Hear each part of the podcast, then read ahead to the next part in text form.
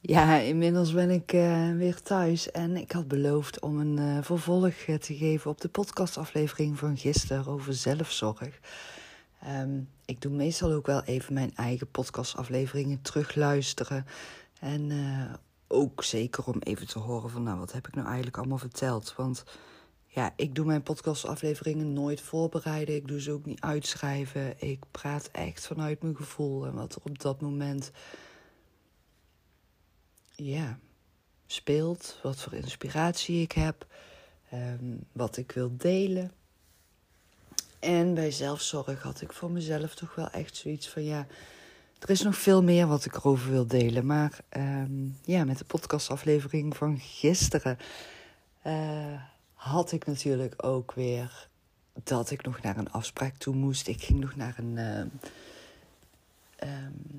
kinderopvanglocatie toe voor een coaching- en adviesgesprek met uh, twee onwijs lieve, leuke, mooie, bijzondere uh, vrouwen. Echt, ja, twee kanjers ook van ondernemers. Zo leuk ook.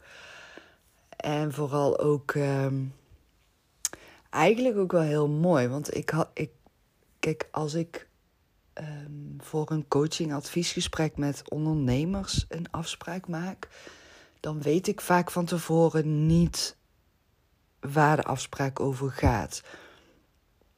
Um, ja, over het ondernemerschap. Maar wat er dan verder op dat moment bij hun speelt, dat weet ik van tevoren niet. En ik hoefde ook niet te weten van tevoren.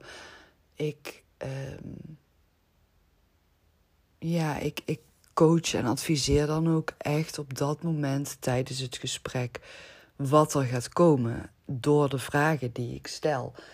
En wat wel heel erg bijzonder en mooi was, was toch ook wel dat uiteindelijk het gesprek ook weer zelfzorg naar voren kwam. En ook bij de pedagogische medewerkers, maar ook bij de ondernemers. En ik merk dat het onderwerp zelfzorg toch heel vaak naar voren komt. Um, sowieso bij ondernemers, niet alleen maar in de kinderopvang.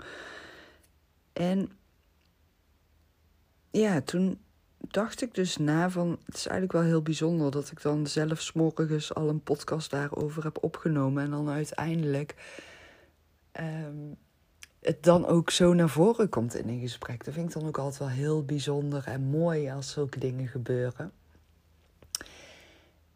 En ja, daardoor, maar ook door het terugluisteren van mijn eigen podcast en um, de gesprekken en gewoon heel deze afgelopen week, alle, alle locatiebezoeken die ik heb mogen uh, doen, ontdek je ook van hoe belangrijk die zelfzorg is vanuit iedere functie binnen de kinderopvang. Want uiteindelijk als ondernemer, leidinggevende of als coach, je bent toch ook een voorbeeldfunctie aan het vervullen. Dus teamleden kijken ook naar jou. Hoe zorg jij voor jezelf? En dat is ook weer van invloed op hun, maar ook weer op het zorgen voor de kinderen. En ja, nou heb ik afgelopen week ook een aantal podcastafleveringen al opgenomen over interactievaardigheden. En daar ga ik de komende week ook nog verder mee aan de slag. Want daar wil ik ook nog heel veel over delen. En ik vergelijk die zelfzorg dan ook wel weer met die interactievaardigheden. Weet je, de interactievaardigheden zijn. Hè, daar ligt de focus op voor de pedagogische medewerkers. Maar wat ik ook al vertelde, kijk ook eens naar die interactievaardigheden, naar je eigen handelen, vanuit jouw functie.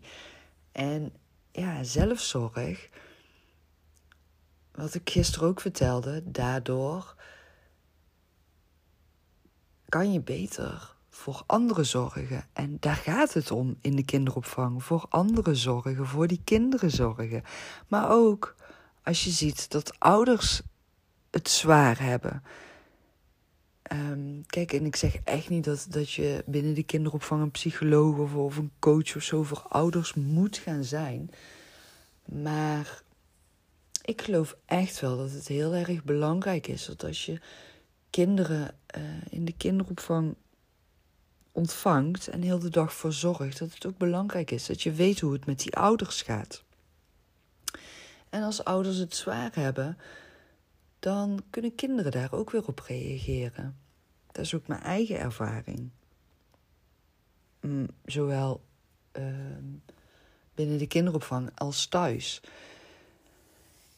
En hoe fijn is het dan dat um, pedagogisch medewerkers daar ook ja, adequaat op, op kunnen reageren en een luisterend oor in kunnen zijn. En natuurlijk wel tot op bepaalde hoogte. Hè. Daarin is dan ook wel weer um, grenzen stellen heel erg belangrijk. Want wat ik net al zei, je kan niet die rol gaan vervullen van een uh, psycholoog als pedagogisch medewerker zijnde. Maar als er een pedagogisch coach werkzaam is binnen uh, jullie organisatie en die is ook zeker thuis in bijvoorbeeld um, gezinscoaching, opvoedcoaching, kindercoaching, dan liggen daar ook hele mooie kansen, denk ik. En hoe mooi is het als je zo'n service ook extra kan aanbieden aan ouders? Ik geloof echt dat dat een super mooie meerwaarde kan zijn. Maar uiteindelijk komt dat ook weer terug bij die kinderen. Dus ja, zelfzorg. Ik vind het toch wel heel erg belangrijk ook. En daarbij vind ik ook wel uh, dat het vooral heel belangrijk is dat er geluisterd wordt naar iemand. En als ik iets moeilijk heb gevonden in alle jaren dat ik het in mijn privéleven heel erg zwaar heb gehad, is het wel dat er zo makkelijk en snel oplossingen worden aangedragen. En dat mensen gaan zeggen, als je eenmaal je verhaal deelt, weet je wat jij moet doen? Eigenlijk moet je dit doen, je moet dat doen, je moet zus doen. Oh ja, nee, maar dat moet je gewoon loslaten. Ja, maar dat moet je gewoon accepteren. Ja, maar je moet wel leren om hulp te vragen. Ja, en ik zei het in de podcast van gisteren al. Hoe doe je dat? En daarbij komt dan dus nog iets. Want als iemand tegen mij zei: Ja, maar Suus, weet je wat jij moet doen? Dan dacht ik echt: Nou, weet je wat jij moet doen? Je moet gewoon even een week van mij overnemen. En dan praten we opnieuw even verder. Weet je, dan dacht ik echt: Ga niet dit tegen mij zeggen als je niet weet hoe mijn leven in elkaar steekt. En dit is ook niet waar ik behoefte aan heb. Waar ik behoefte aan heb, is gewoon een luisterend oor. En weet je, gaandeweg ontdekte ik ook dat ik dat dan dus ook mocht uitspreken, want dat is ook zelfzorg. Je eigen grenzen bewaken, je eigen grenzen stellen, maar ook uitleg geven over dat waar jij behoefte aan hebt. En dat vind ik zelf ook weer belangrijk als je een leidinggevende ondernemende functie hebt of een coachende rol vervult. Ehm, we zijn heel snel, heel makkelijk geneigd om het maar op te lossen in plaats van te luisteren. Ruimte geven aan emoties. En dat geldt ook voor pedagogisch medewerkers met de kinderen. Hoe vaak gaan pedagogisch medewerkers niet alles oplossen voor een kind? Oh, wacht even, je hebt je schoenen verkeerd aan. Uh, nou, kom maar, ik doe wel even je schoenen goed aan, want we moeten naar buiten. En het is allemaal vanuit goede bedoelingen, hè? dat weet ik. Het is altijd vanuit goede bedoelingen en het is nooit kwaad bedoeld. Maar ja, probeer gewoon eens een keer te vragen ook. Als iemand een verhaal deelt, hoe kan ik je helpen? Waar heb je nu behoefte aan? Kan ik je überhaupt helpen? En voor mij was het dan heel vaak juist van: ga niet tegen mij zeggen wat ik allemaal moet doen. Ga niet tegen mij zeggen dat ik hulp moet vragen. Want ja, als midden in de nacht de telefoon ging van het ziekenhuis, dan moest ik gewoon naar het ziekenhuis toe. En dan moest ik gewoon alle minuut iemand hier in huis hebben die er kon zijn als mijn kinderen lagen te slapen. Geloof me, dat geeft echt stress.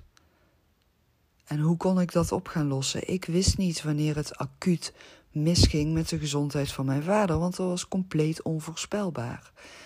En ik voel mezelf enorm dankbaar dat ik op dat moment ook echt super dierbare vriendinnen om me heen had staan, die ik gewoon midden in de nacht kon bellen en die hier in mijn huis, in mijn bed gingen verder slapen, zodat ik naar het ziekenhuis kon gaan. Dat is onbetaalbaar. Maar soms is het ook gewoon fijn, ook al heb je het heel erg zwaar en moeilijk, om dingen zelf te willen blijven doen en kunnen blijven doen. Maar dat is ook weer per persoon zo verschillend.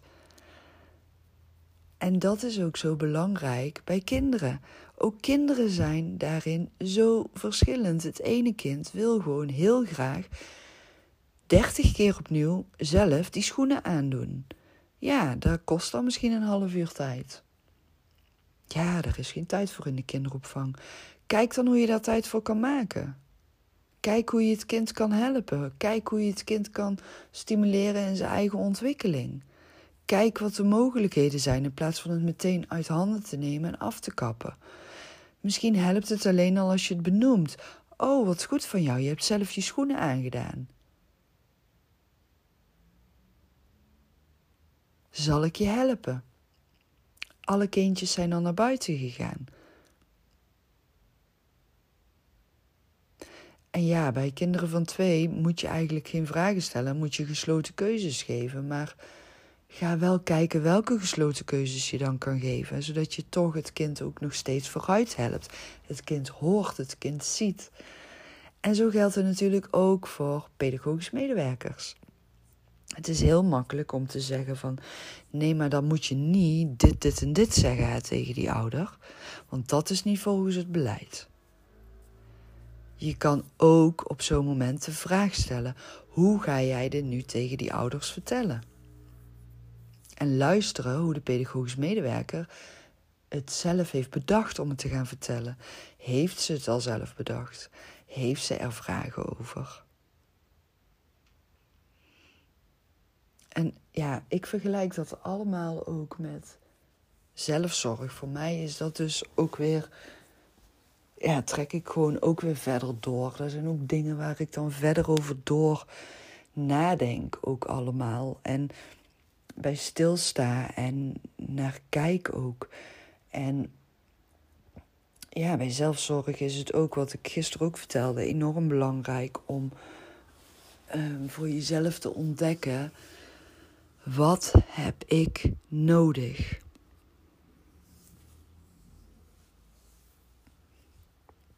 Hoe kan ik dat voor mezelf gaan realiseren? Wat heb je daarvoor dan weer nodig? Heb je daar hulp voor nodig? Heb je daar een luisterend oor voor nodig? Heb je daar juist rust voor nodig? Heb je daar structuur voor nodig? Heb je daar regelmaat voor nodig? Um, heb je juist meer vrijheid, vrije tijd nodig. En hoe kan je dat dan weer realiseren? Ja, en wat ik doe in deze podcastafleveringen is gewoon mijn ervaringen daaruit delen. En volgens mij ben ik helemaal de intro vergeten ook. Maar ja, maakt niet uit. Geeft niks. dus ja, zelfzorg. Zelfzorg, zodat het uiteindelijk ook weer ten goede komt van de kleine kinderen. En zelfzorg, zodat het ten goede komt van de teamleden die je mag coachen of leiding aan mag geven. Het werkt allemaal altijd in elkaar door. Ik, ik zie altijd overal wel zo'n doorgaande lijnen in oorzaak-gevolg. En dat vind ik ook altijd zo mooi om daar dan vragen over te stellen, bewustwordingen te creëren en te gaan ontdekken van oké, hoe goed zorg ik voor mezelf? En soms, en dat klinkt misschien heel raar, maar soms is zelfzorg ook dat je kiest voor die overlevingsmodus waar je in zit als het allemaal druk en zwaar en moeilijk is wat er op dat moment in jouw leven speelt. Want dat is ook mijn ervaring. En achteraf heb ik heel vaak gedacht, ik had het anders moeten doen. En nu zijn we weer heel veel jaren verder en denk ik, ik was op dat moment zelf niet in staat om het op een andere manier te doen dan keuzes te maken en dingen te blokkeren en te parkeren. En ja, die zijn er jaren later tien keer zo hard uitgekomen, maar dat was wel op dat moment mijn manier om te kunnen overleven en door te kunnen gaan. En niet in te storten. En nogmaals, ik zeg niet dat dat de beste manier is geweest. Maar voor mij was dat de enige manier waarop ik door kon gaan. En daarbij was ik ook wel dat ik echt ook. Ja, mijn sociale leven heb ik eigenlijk vrijwel altijd als eerste op pauze gezet als het uh, te druk, te zwaar, te moeilijk was waar ik middenin zat. En mijn werk ging altijd door, omdat mijn werk ook altijd positieve energie heeft gegeven. Dus ja, misschien heb ik juist ook wel onbewust, bedenk ik nu, nu ik dit zo aan het vertellen ben, onbewust de juiste keuzes voor mezelf gemaakt.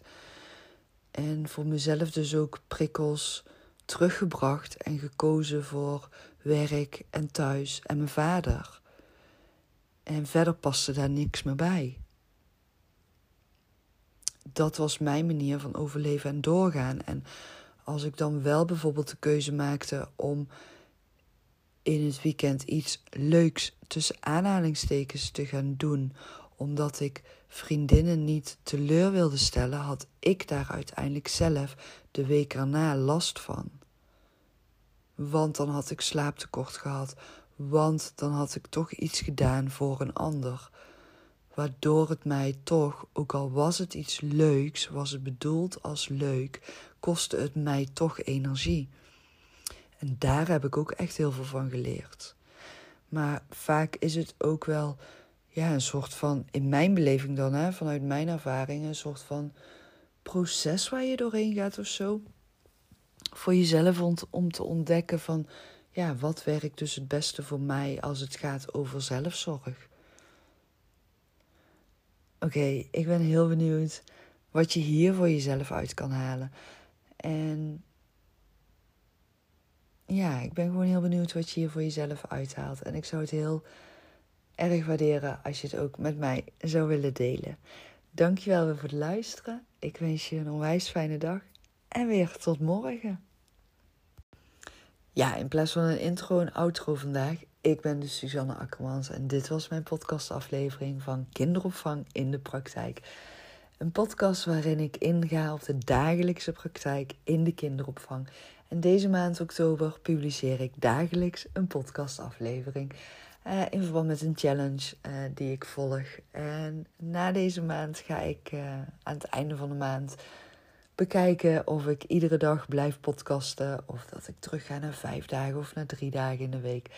Um, daar ga ik nu nog geen keuzes in maken, dus die wordt nog vervolgd. Maar in ieder geval, deze maand oktober kan je iedere dag luisteren naar een podcastaflevering van Kinderopvang in de Praktijk. Waarin ik jou meeneem in de dagelijkse praktijk van de kinderopvang, maar ook in mijn eigen dagelijkse leven.